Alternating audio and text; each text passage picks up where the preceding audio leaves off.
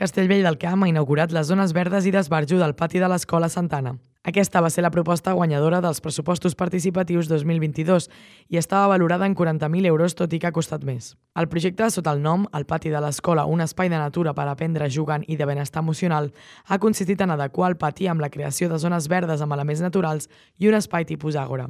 D'altra banda, la proposta per la creació d'un vial, anomenada Desplaçament a peu del poble a les urbanitzacions, va ser la més votada dels pressupostos participatius de 2023. El cost per dur-lo a terme serà superior als 40.000 euros estimats i de cara a la propera convocatòria dels pressupostos participatius, l'Ajuntament crearà una taula de validació de les propostes presentades per tal d'adequar-les tècnicament i ajustar-les al pressupost inicial.